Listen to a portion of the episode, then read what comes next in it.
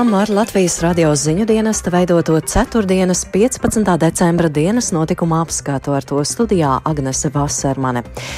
Vispirms par dažiem raidījuma tematiem. Eiropas centrālā banka ceļ procentu likmes. Skaidrosim, ko tas nozīmē. Krievija vēlreiz mēģinās ieņemt Kijivu, prognozē Ukraina. Ukrainas bruņoto spēku komandieris Valērijas Zalužnīs apgalvojis, ka Krievija pašlaik sagatavojot aptuveni 200 tūkstošus jauniesauto karavīru, kurus nosūtīs karot Ukrainā.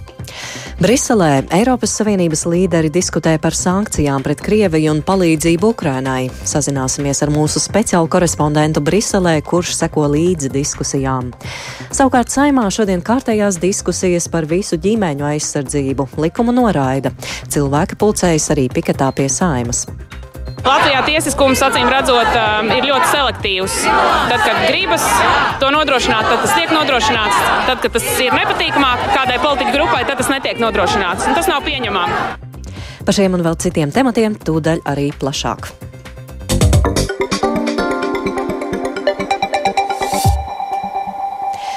Pēc ilgām debatēm deputāti atkārtoti atteikušies turpināt iepriekšējās saimas iesākto darbu ar civilās savienības likumu.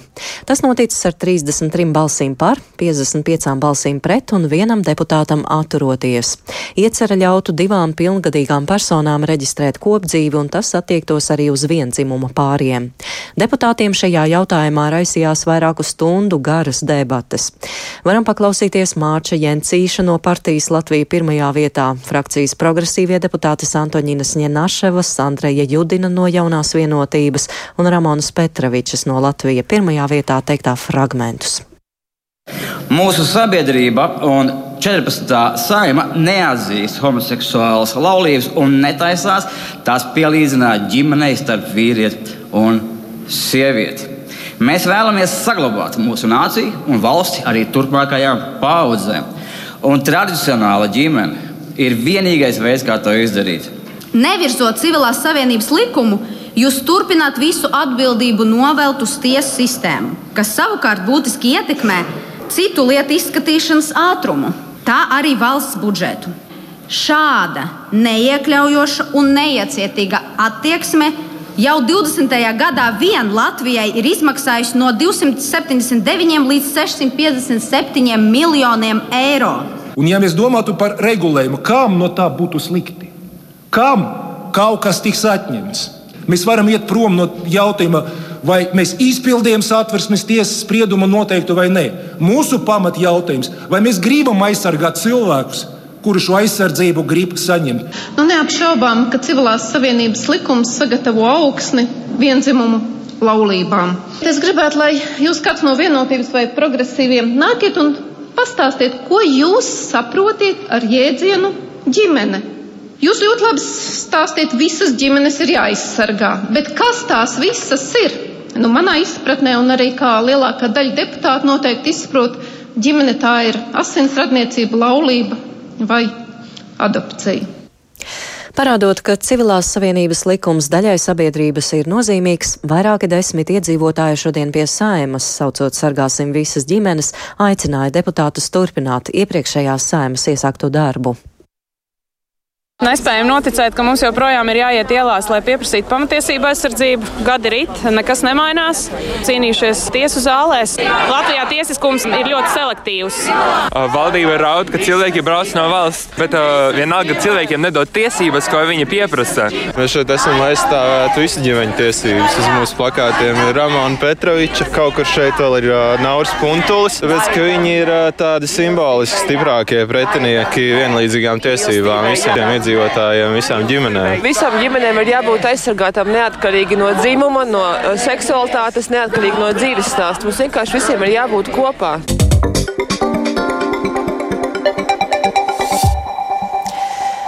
Un turpinām ar aktualitātēm. Eiropas centrālā banka šodien nolēma paaugstināt galveno bāzes procentu likmi par 0,5% punktiem līdz 2,5%. Tāpat par 0,5% punktiem nolēmts palielināt arī noguldījumu iespējas uz nakti likmi un uz aizdevumu iespējas uz nakti likmi. Cenšoties cīnīties ar augsto inflāciju, Eiropas centrālā banka procentu likmes palielina jau ceturto reizi.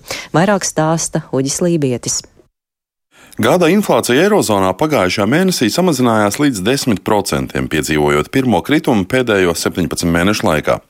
Taču, neskatoties uz to, inflācijas rādītāji joprojām ir vairākas reizes augstāki nekā vēlams.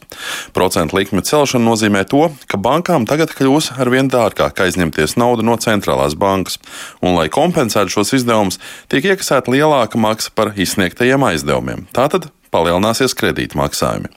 Tā kā bankas arī pašas mazāk aizņemas, samazinās arī naudas apjoms un eiro vērtība palielinās. Tām savukārt vajadzētu veicināt preču cenu kritumu. Eiropas centrālā banka gan brīdina, ka procentu likmes var nākties celt vēl, bet eirozonas ekonomikas izaugsme nākamajā gadā tāpat visticamāk būs vien 0,5%, nevis 0,9%, kā tika lēsts iepriekš. Finanšu palīdzība Ukrainai, sankcijas pret Krieviju un gāzes cenu griesti. Šie ir galvenie jautājumi šīs dienas Eiropas Savienības līderu sanāksmē Briselē. Polijas valdība trešdien negaidīti bloķēja 18 miljārdu eiro palīdzības sniegšanu Ukrainai, jo tā iebilst pret citiem jautājumiem, kas atrodas vienā paketē ar šo lēmumu. Tas izraisīja pamatīgas dusmas no daudzām citām valstīm. Samita norises vietā šobrīd atrodas arī mūsu Briseles speciāla korespondents prezidents Artjoms Konohovs. Ar viņu esam sazinājušies tiešraidē. Labvakar, Artjom! Jā, labvakar, Agnese. E, pastāsti lūdzu, kādēļ Polija bloķē palīdzības sniegšanu Ukrainai un šo minimālo ienākumu nodokli starptautiskajām korporācijām? Es atvainojos. Jautājums par 18 miljārdu eiro palīdzības sniegšanu Ukrainai ir kļuvis par savu veidu ķilnieku citiem strīdiem. Atcerēsimies, ka vēl nedēļas sākumā pret to iebilda Ungārija, tomēr vēlāk diplomātiem ir izdevies vienoties par to, ka palīdzība tiek sniegta apmaiņā pret to, ka tiek iesaldēts mazāks Ungārijai domāto Eiropas fondu apjoms un tiek apstiprināts arī Ungārijas ekonomikas atjaunošanas plāns. Šajā paketē ir arī jautājums par minimālo ienākumu ienākumu likmi starptautiskajām korporācijām, ko Ungārija arī iepriekš ilgstoši bloķē. Tagad Polija ceļ iebildumus, sakot, ka sasaistīt nodokļu likmi ar palīdzību Ukrainai nesot ētiski. Paklausīsimies, ko ierodoties Briselē sacīja Polijas premjeras Mateusz Moraveckis tax on international corporations. Yes, of course, international corporations, multinationals. Jā, protams, ka starptautiskām korporācijām ir jāmaksā nodokļi tur, kur viņi pārdod preces un pakalpojumus. Savukārt atbalsts Ukrainai ir ne tikai morāls jautājums, bet ģeopolitiski svarīgs pagrieziena punkts. Atbalsts Ukrainai nevar tikt izmantots, lai šantažētu citus, kā to mēģina darīt dažas valstis. Lēmuma pieņemšanas termiņš tika vairāk kārt pagarināts. Iespējams, ka vidutāja loma šajā situācijā varētu spēlēt jaunā Itālijas premjera Džordžija Meloni. Viņa pieder pie tās pašas konservatīvo politiskās grupas, bet atšķirībā no Moravēcka aktīvi atbalsta korporāciju nodokli. Un visticamāk, ka polijas iebildumi tomēr nav saistīti ar nodokli, bet gan ar domstarpībām valdošajā koalīcijā par tiesiskumu sistēmu, par tiesiskumu un tieslietu sistēmas reformām, kā arī par par mēģinājumiem izspiest no Eiropas komisijas nākamo naudas maksājumu. To netieši pieļāva arī mūsu valsts valdības vadītājs Krišjāns Kariņš no jaunās vienotības. Tas nozīmē, ka sāk parādīties iespējams jauns veids, kā pāris dalību valsts, kurām ir šīs grūtības ar Eiropas komisiju saistībā ar likumu varu, ka meklē, kā izmantot to, lai arī sev gūtu kādu labumu. Bet uh, Ukrainas atbalsts tas ir pilnīgi viengabalains. Vēl jāpiebilst, ka dalību valstu politiķi šodien spriež arī par risinājumiem gāzes cenu griestiem, par industriālo politiku un sankcijām pret Krieviju, bet visticamāk, ka šajos jautājumos konkrētāki lēmumi tiks pieņemti jau pēc samita ministru vai diplomātu līmenī. Un, protams, ka diskusijas noteiks arī par korupcijas skandālu Eiropas parlamentā. Par to no rīta runāja arī parlamenta priekšsēdētāja Roberta Metzola, kura arī uzrunāja dalību valstu līderus un solīja ieviest lielāku caurskatāmību caurskatāmību un kontroli Eiropas parlamentā. Agnes? Jā, paldies! Sazinājāmies ar mūsu korespondentu Ārķomu Konohovu, kurš seko līdzi šīs dienas Eiropas Savienības līderu sanāksmē Briselē. kur to starp spriež par finanšu palīdzību Ukrainai un sankcijām pret Krieviju. Bet runājot par Ukrainā notiekošo, Krievijas karaspēks šodien nāvējoši ir apšaudījis vairākas Ukrainas pilsētas, nopostot kritisko infrastruktūru. Ukrainas bruņoto spēku vadītājs tātad uzskata, ka Krievijā veiktā mobilizācija ir bijusi sekmīga, tāpēc Krievi tuvākajos mēnešos mēģinās uzbrukt ar jaunu spāru. Vairāk stāsta Uldis Ķezberis. Vismaz divi cilvēki nogalināti Hersonā, ko šorīt intensīvi apšaudīja netālu esošie Krievijas spēki. Nogalinātie ir 22 gadus veca sieviete un 70 gadus vecs vīrietis. Hersonas apgabala kara administrācijas vadītājs Jaroslavs Januševičs sacīja, ka iebrucēju galvenais mērķis bija pilsētas kritiskā infrastruktūra. Šodien apšaudītas arī Ukrainas otra lielākā pilsēta Harkiva un Nikopole Ņipropetrovskas apgabalā. Ukrainas bruņoto spēku komandieris Valērijas Zalūs Lužnijas Britu izdevumam ekonomisti apgalvojis, ka Krievija pašlaik sagatavojot aptuveni 200 tūkstošus jauniesauto karavīru, kurus nosūtīs karot Ukrainā. Viņš prognozēja, ka nākamā gada pirmajā pusē Krievijas karaspēks varētu uzsākt jaunu plaša mēroga uzbrukumu Ukrainas austrumos vai dienvidos. Zalužnīs arī neizslēdz iespēju, ka Krievi otro reizi mēģinās uzbrukt galvaspilsētai Kīvai. Savukārt Ukrainas prezidents Volodimirs Zelenskis ekonomists sacījis, ka Krievija karā zaudēs, tāpēc tās prezidentam Vladimiram Putinam pēc iespējas drīzāk ir jāatzīst, ka iebrukums Ukrainā bija traģiska kļūda un jāizved savus karaspēks. Tas arī ļaušot Putinam ilgāk nosargāt savu dzīvību, uzskata Zelenskis. Kosova savukārt šodien oficiāli pieteicās dalībai Eiropas Savienībā, taču maz ticams, ka 1,8 miljonu iedzīvotāju lielā Rietumbalkānu valsts varētu pievienoties blokam tuvākajos gados. Lielākais šķērslis Kosovas uzņemšanai blokā ir tās sarežģītās attiecības ar Sērbiju, kā arī fakts, ka piecas Eiropas Savienības dalība valstis nav atzinušas tās neatkarību. Turpina Uldis Ķezberis.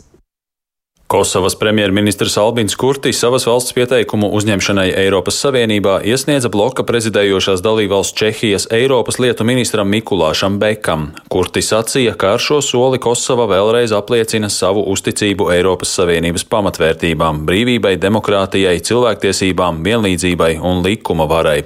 Viņš arī norādīja, ka Kosovas pievienošanās Eiropas Savienībai būs atkarīga no valsts spējas īstenot nepieciešamās reformas.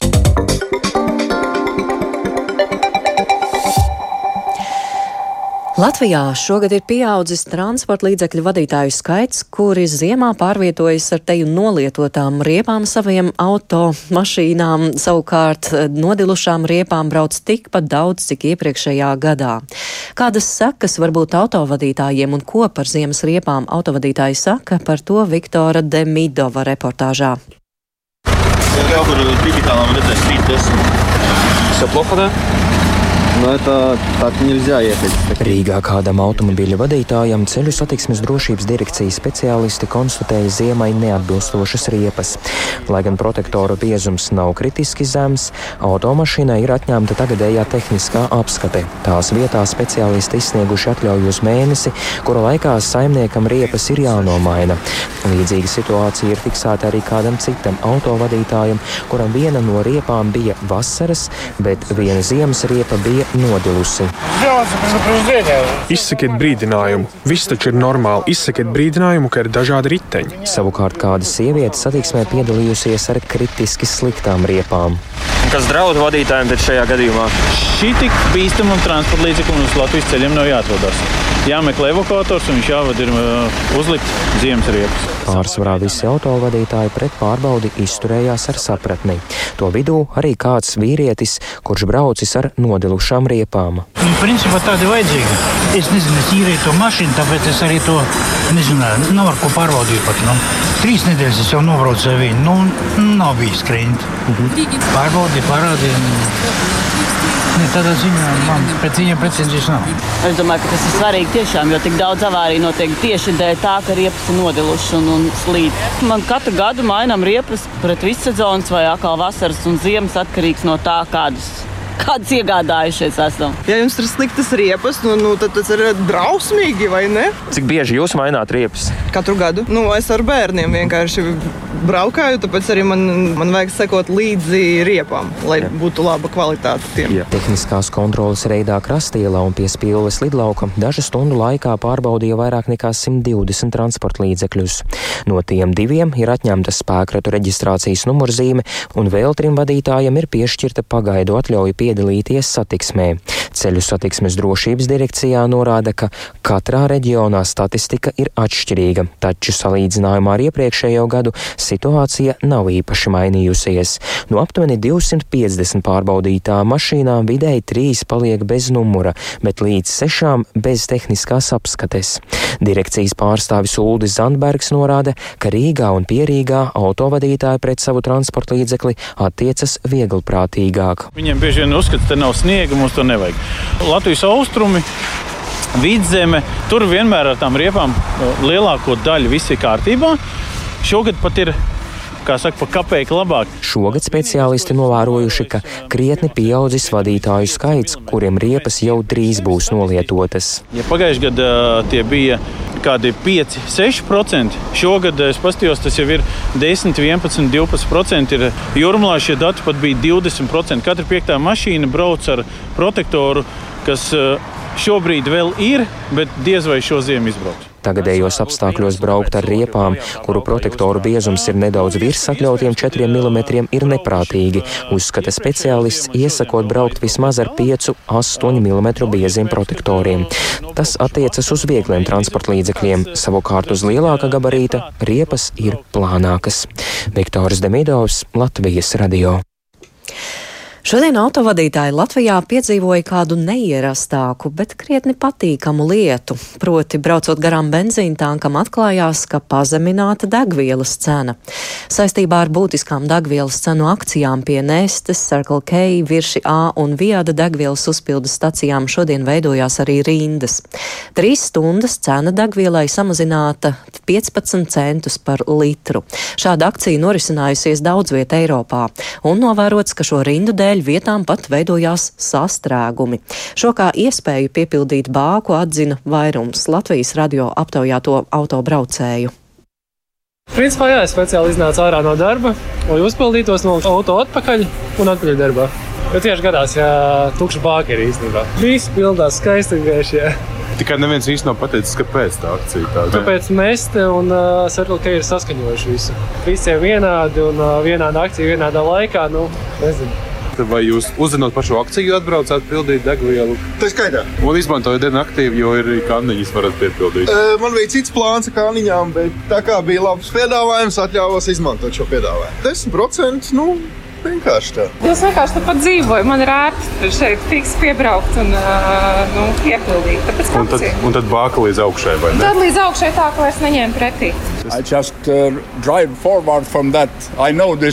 es vienkārši braucu te garām un piestāju uzpildīt degvielu, tāpēc, ka tukša bāka nevis akcijas dēļ.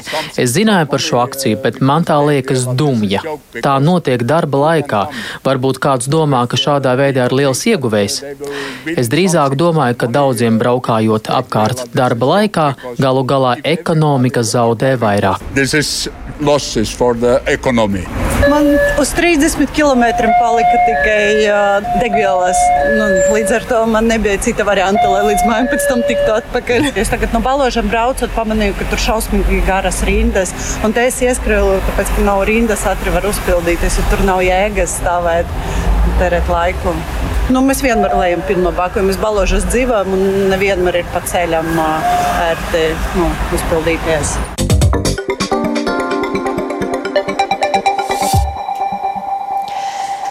Rīgas pilsētas Latgales priekšpilsētas tiesā ir aizvadīta pirmā tiesas sēde krimināllietā par imunologa iespējamu seksuālu vardarbību pret pacientēm.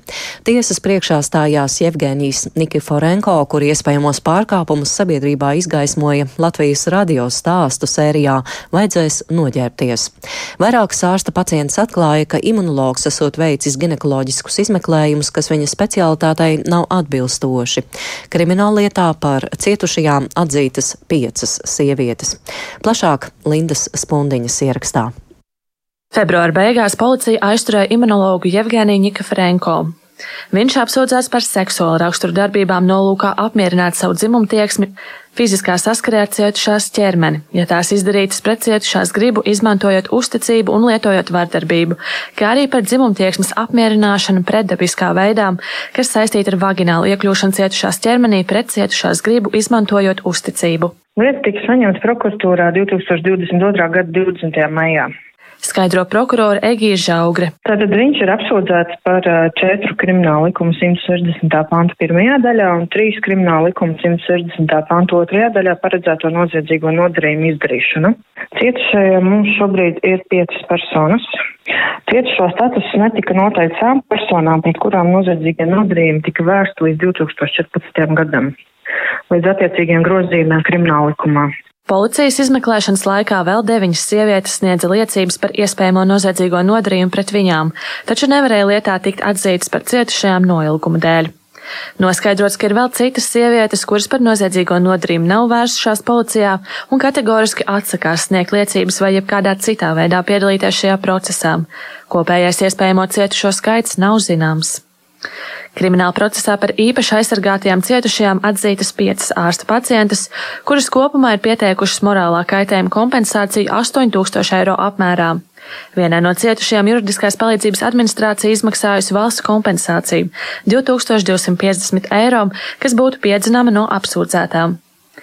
Nikiforenko inkriminētās darbības veikts laika posmā no 2015. gada līdz pagājušajam gadam, taču policijas izmeklēšanas laikā gūtā informācija liecina, ka noziedzīgā nodarījuma epizodes norisinājušās jau 2004. gadā. Nikiforenko savu vainu viņam inkriminēto noziedzīgo nodarījumu izdarīšanā neatzīst. Par to, kā varētu noritēt tiesas process, stāsta prokurors Žaugre. Nu, ņemot vērā, ka šobrīd uh, apsūdzētais savu vainu nav atzīmis, Tomēr man nav zināms, kāda būs viņa attieksme tiesā. Šobrīd krimināla procesa likums paredz uz tiesu izsaukt agrāk nopratināmu personu tikai pēc aizstāvības lūguma. Ja aizstāvībai nav nepieciešams izsaukt kādu agrāk nopratinātu personu, tad šīs personas liecības var izmantot tiesas debatēs. Un arī tiesa savā nolēmumā secinājumu pamatošanai.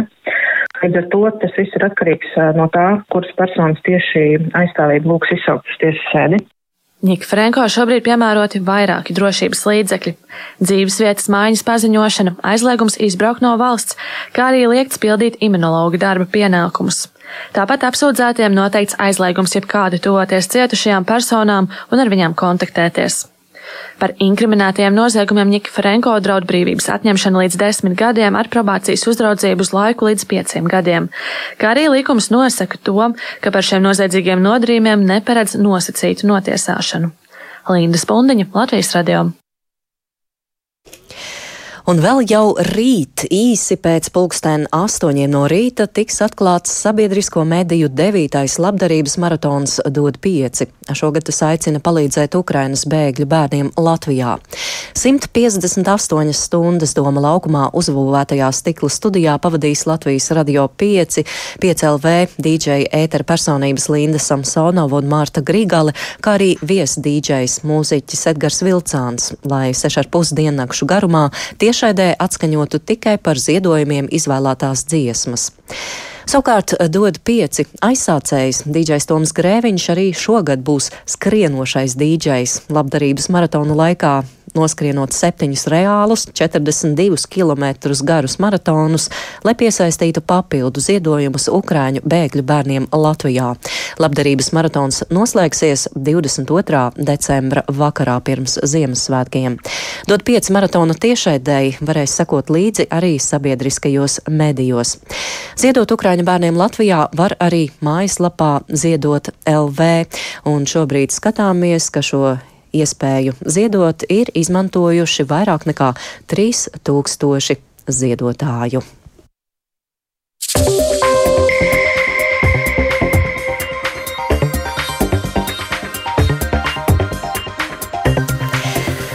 Ar to arī skan 4. 15. decembra dienas notikuma apskats. Šīs programmas producents Viktors Pupīks, ierakstus montēja Juldis Grīnbergs pie skaņapults Kristaps Eida, studijā Agnese Vasermane. Vēlreiz par svarīgāko. Eiropas centrālā banka ceļ procentu likmes. Krievija vēlreiz mēģinās ieņemt Kijivu, tā prognozē Ukrainas bruņoto spēku komandieris. Briselē Eiropas Savienības līderi diskutē par sankcijām pret Krieviju un palīdzību Ukrainai. Savukārt Latvijā saimā kārtējās diskusijas par visu ģimeņu aizsardzību likumu noraida.